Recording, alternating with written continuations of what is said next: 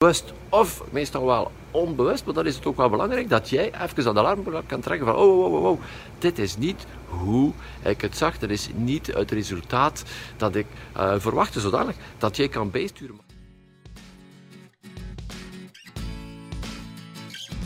Welkom bij de Business Lab Morning Run. Als je een eenmanszaak of een kleine BV hebt, dan is deze podcast voor jou. Ik ben Xavier de Baren, medeoprichter van Business Lab. Elke werkdag na het hardlopen in de vroege ochtend vertel ik alles wat ik weet om een succesvolle ondernemer te worden. Dankjewel dat je erbij bent. Maar voor nu heb ik een vraag voor jou. Waarom poets jij eigenlijk jouw tanden? Uh, wat komt deze vraag hier doen? Vraag je je waarschijnlijk af. Wel, um, kun je gewoon laten zien dat dat een vraag is waar heel mensen bij, uh, blijven bij stilstaan. Uh, waarom poets je jouw tanden? Ja, mm, uiteindelijk stellen we ons die vraag niet.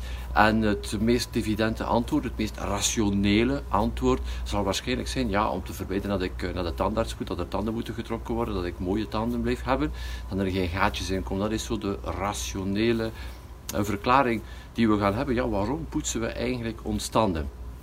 Waarom we daar weer iets dieper op ingaan, wat verder gaan uh, op, over nadenken, ik kom wel snel tot de vaststelling, maar ja, wanneer gaan we eerder ons tanden gaan poetsen? Als we een afspraak hebben, een belangrijke afspraak hebben, of een afspraak hebben met een vriendinnetje of een vriend, of na het eten van een reep chocolade, dan zien we in één keer, oei, kans is waarschijnlijk groot dat wij er ons gaan poetsen bij een belangrijke afspraak uh, dan na het eten van een reep chocolade. Dus de rationele reden is toch wel misschien niet de reden of niet de enige reden die ons aanzet tot ons tanden te poetsen. Dat is ook de reden waarom meer dan 90% van de tandpasta's uh, munt, uh, pepermunt bevatten. om een frisse adem te hebben. Dat is een van de redenen dat niemand direct gaat uitspreken. Als je vraagt waarom poets je nou jouw tanden, mensen komen daar rationele uitleg. Maar uiteindelijk zit er een heel aantal zaken onder die veel minder rationeel zijn en dat we over het hoofd zien en die uiteindelijk wel de grootste motivator zijn om die tanden te poetsen. Uh, ja, wat heeft dat nu te maken met businessvragen? Misschien wel alles. Want uh, kans is groot dat jij ook voor jouw product of dienst het alleen maar in de wereld zet, alleen maar vermarkt, alleen maar als argumentatie gebruikt, hetgene die het meest rationele voor de hand liggend is. Uh, geen gaatjes hebben in mijn tanden, zodat ik naar de tandarts niet moet. We gaan heel vaak uh, alleen maar ons product of dienst op die manier gaan verkopen met de rationele argumenten. Maar mensen worden bewogen door een hele hoop andere, door een hele andere zaken dan het pure rationele. En dat is iets om vandaag over na te denken. Waarom kopen de mensen nu eigenlijk mijn product of dienst? Misschien is het niet om de reden uh, die jij. Uh, die je voor ogen hebt. Of de reden dat je zegt, ja, dat is het meest logisch, mijn product is op en top. Dus de mensen kopen dat, want het is kwaliteit. En dat zit, ah, misschien zit er wel totaal, totaal andere reden onder, minder rationele reden zaken ook dat de mensen niet gaan uitspreken, omdat ze één, er zichzelf niet van bewust zijn, of twee, het niet durven uit te spreken. Ga op zoek naar die uh, ja, verborgen motivators om jouw product of dienst te kopen. Ik geloof dat het een hele interessante oefening is um, om aan de slag te gaan. En stel misschien de vraag, de, de vraag bij jou thuis, uh, waarom poets je nu eigenlijk jouw tanden? Vandaag uh, wil ik het met jou hebben over uh, jouw bureau, jouw kantoor, waar je, uh, jouw bureau letterlijk waar je aan zit. Gisteren waren we quotes aan het verzamelen, kregen een lijst met een aantal quotes, een aantal citaten om, om goed te keuren. En er is toch wel eentje die ik eruit gehaald heb en het luidt als volgt. Um, een bureau die helemaal vol ligt, is geen chaos, maar het bureau ligt gewoon vol met allemaal ideeën. En op het eerste zicht lijkt dat misschien wel een interessant citaat, maar ik geloof daar niet echt in. Uh, ik geloof om productief te zijn dat het belangrijk is dat jouw bureau opgeruimd is, dat er alleen maar voor jou ligt datgene wat je nodig hebt voor jouw taak. En het valt mij op hoe vaak mensen gewoon tussen de papieren zitten te ploeteren. Als je naar een kookprogramma kijkt, als je naar Jeroen Meus kijkt, whatever, het is allemaal netjes netjes opgeruimd en alleen die zaken die hij nodig heeft staan op het aanrecht. En uh, dat zorgt ervoor dat hij efficiënt te werk gaat. Uiteraard heeft hij talent ook om het allemaal sneller en beter te doen, uiteraard. Maar geloof mij, mocht uh, zijn keuken niet volledig opgeruimd zijn, die alleen die zaken die jij echt nodig heeft, mm, dan raakt hij ook geen millimeter vooruit. En het is hetzelfde met jouw bureau. Maar misschien ga je zeggen tegen mij, ja, maar ja, ik voel me wel op gemak in mijn eigen chaos. Ik weet wel ieder blad liggen en ik weet dat als ik het nodig heb, waar dat ik het moet pakken. Uh, toch creëert het chaos, want jouw uh, bewuste geest is uiteraard bezig met datgene wat voor hem is. Maar vergeet niet dat jouw onderbewuste veel meer capteert, veel meer ziet, veel meer hoort dan datgene wat jij jou bewust van bent. Zo, wanneer jij bezig bent op jouw computerscherm, recht gefocust op jouw computerscherm, ondertussen Jouw onderbewuste neemt alles mee in een hele brede waaier rond jou. En ergens geef je dan, als dat vol ligt, vol papier ligt, geef je ergens wel het signaal aan je onderbewuste. Oh shit, en dat moet ook nog gebeuren. En dat moet ook nog gebeuren. En dat moet ook nog gebeuren. En dat moet ook nog gebeuren. En dit creëert interne onrust, waar je niet helemaal van bewust bent, wat die jouw productiviteit letterlijk Dus zorg ervoor dat jou, op jouw bureau alleen maar die zaken ligt die je echt nodig hebt. S'avonds als je afsluit, ruim jouw bureau op, leg er een lijstje op met jouw drie, vier belangrijke to-do's voor de dag erop, zodanig als je terugkomt, wauw, het is opgeruimd. Dit geeft, uh, dit geeft rust. Um, ga jezelf niet goed gaan praten in de chaos die op jouw uh, bureau ligt. Um, en ik spreek er nog wel voor het effect dat het heeft op jezelf. Uh, laat staan als er klanten, nu misschien wel net iets minder, in deze coronaperiode, wat doet er niet toe, als er klanten binnen gaan in jouw uh, bureau en het ligt helemaal vol papier en als je de eerste keer met je arm zo over je bureau moet gaan, zo om uh, al de papieren weg te nemen, of even wat plaats te maken, uh, komt echt niet professioneel uit. Als ik naar de weinige keren dat ik gelukkig naar een dokter of whatever moet gaan, zie ik dat ook te vaak. zoiets van man, man, man, hoe moet dat in uw kop zijn? ja, mijn vertrouwen is al voor een groot deel, voor een groot deel weg als ik daar uh, aan een bureau zit waar dat het allemaal vol van de papieren uh, ligt. Dus dat is mijn tip van vandaag. Ruim jouw bureau op. Um, als je twijfelt om papieren weg te gooien, als er twijfel is, gooi ze weg. dat is ook nog een bijkomende tip voor vandaag. Voilà, ik hoop dat. Morning run. Vandaag, delegation is not abdication. delegeren is niet abdiceren. Ik weet niet of dit woord uh, bestaat in het Nederlands. Uh, letterlijk is de troon afstaan, is delegeren zonder controleren, zou je het ook kunnen, uh, zou het ook kunnen vertalen. En dat is wat ik heel vaak zie gebeuren bij kleine ondernemingen. Als ze dan toch de stap zetten om zaken te delegeren, uit de hand te geven, wat op zich al heel vaak een enorme, enorme, enorme stap is.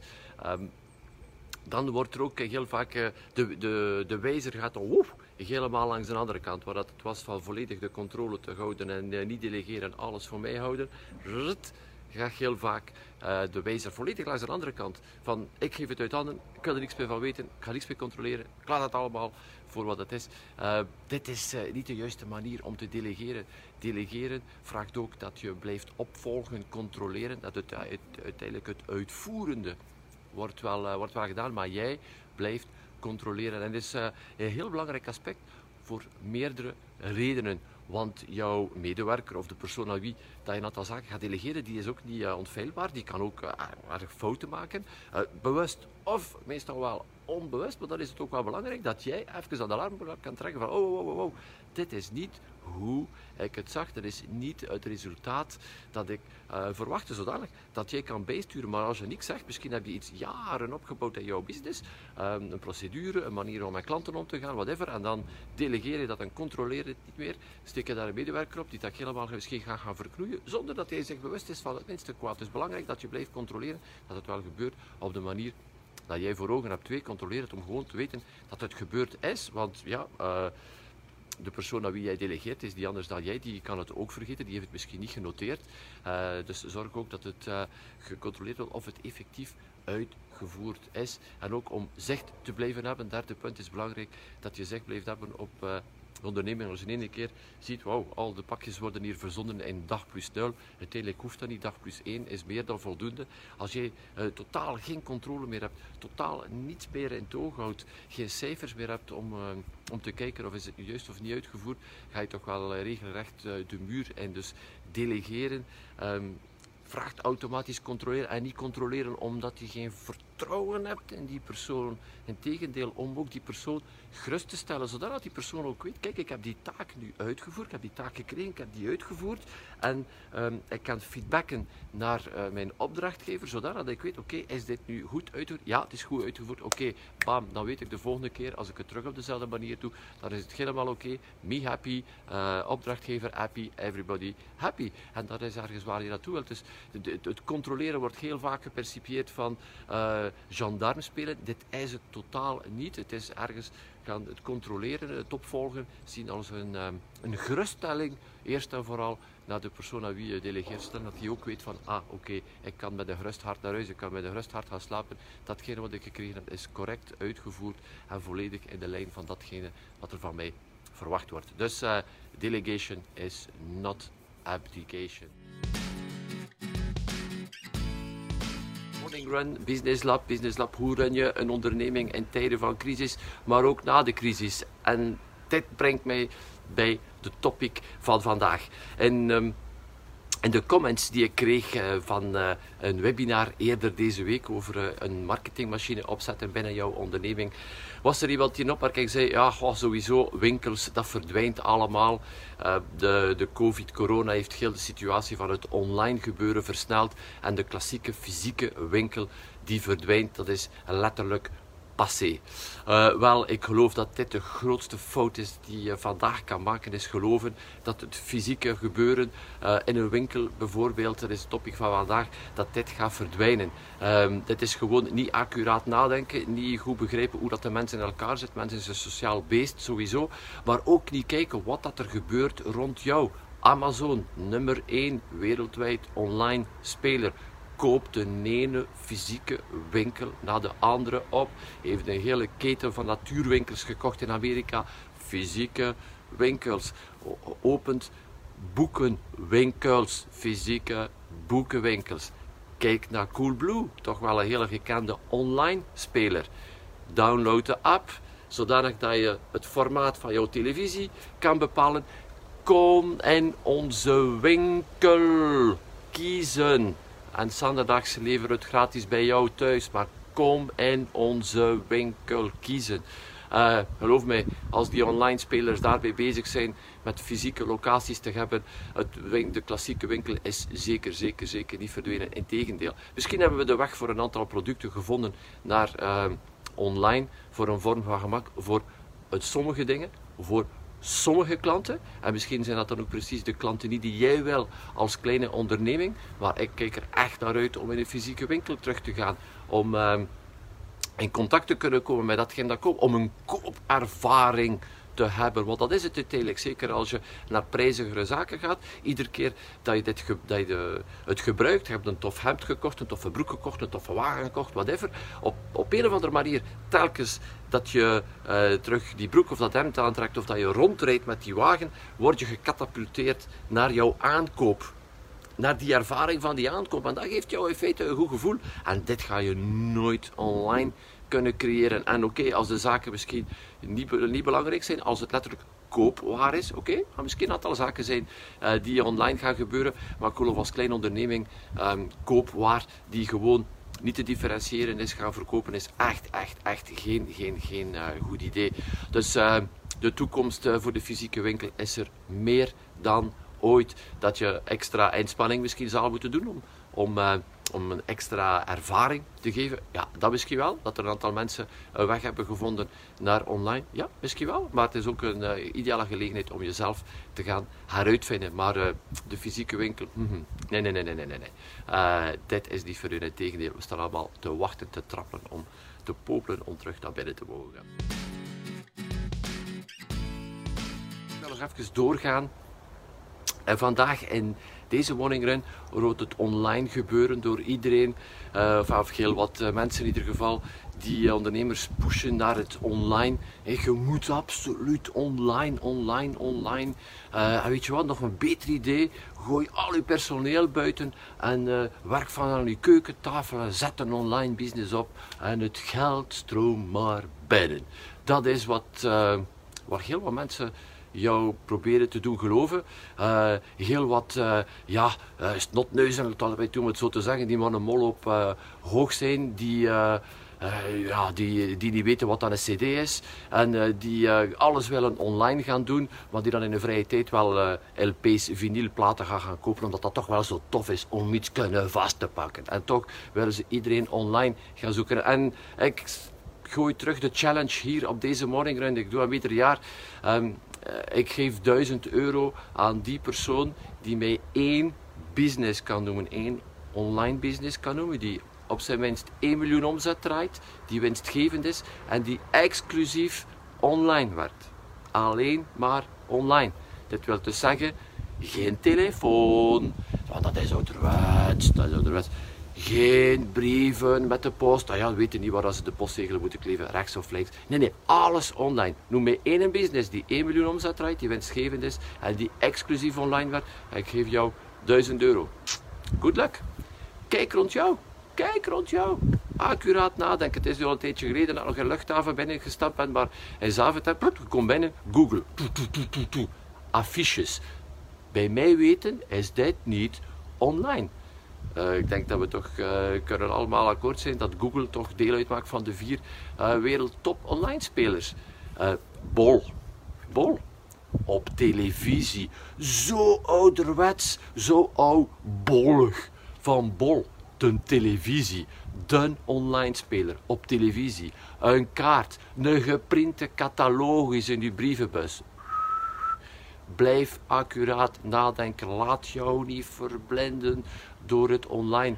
Is online verkeerd? Nee, uiteraard. We hebben ook Business Lab Universiteit. Ga even gaan checken op onze website, Business Lab Universiteit. Waar we heel wat online trainingen uiteraard aanbieden. Het is een mooie aanvulling maar verlies jouw uit het oog en laat het idee gaan dat alles, alles, alles, alles online gaat gebeuren. Uh, geloof me, over een paar maanden, als alles terug mag, de mensen die Zoom zitten allemaal tot daar en we willen ook iets anders. Mooie aanvulling online, maar let op van de sirenes die naar het exclusieve uh, online, alleen maar online, alleen maar online, van op mijn keukentafel, weet je wel. Oh, we gaan het allemaal, ja, uh, we hebben heel wat ervaring. En ik kan jou vertellen, online business op poten zetten is heel, heel, heel, heel, heel, uh, uh, heel moeilijk. kan, vraagt heel wat inspanning, maar goed nadenken vooraleer dat je dan begint. En er zijn nog zoveel andere mogelijkheden in je core business. Dankjewel voor het luisteren naar de Business Lab Morning Run. Als je gloednieuw bent in onze wereld, ga dan nu naar onze website businesslab.be en volg het eerstkomend webinar. Mocht je onze podcast al een tijdje volgen en je houdt van wat je hoort en je vraagt je af hoe Business Lab je kan helpen met de groei van je zaak, contacteer dan vandaag nog mijn team en vertel ons precies waar je naar op zoek bent. Vergeet ook niet jou te abonneren op deze podcast en deze Business Lab Morning Run te delen met andere ondernemers. Zet je nog maar een vraag? Mail ons gewoon naar an-xavier.businesslab.be Doe wat je graag doet, doe het goed. Ik duim voor jouw succes.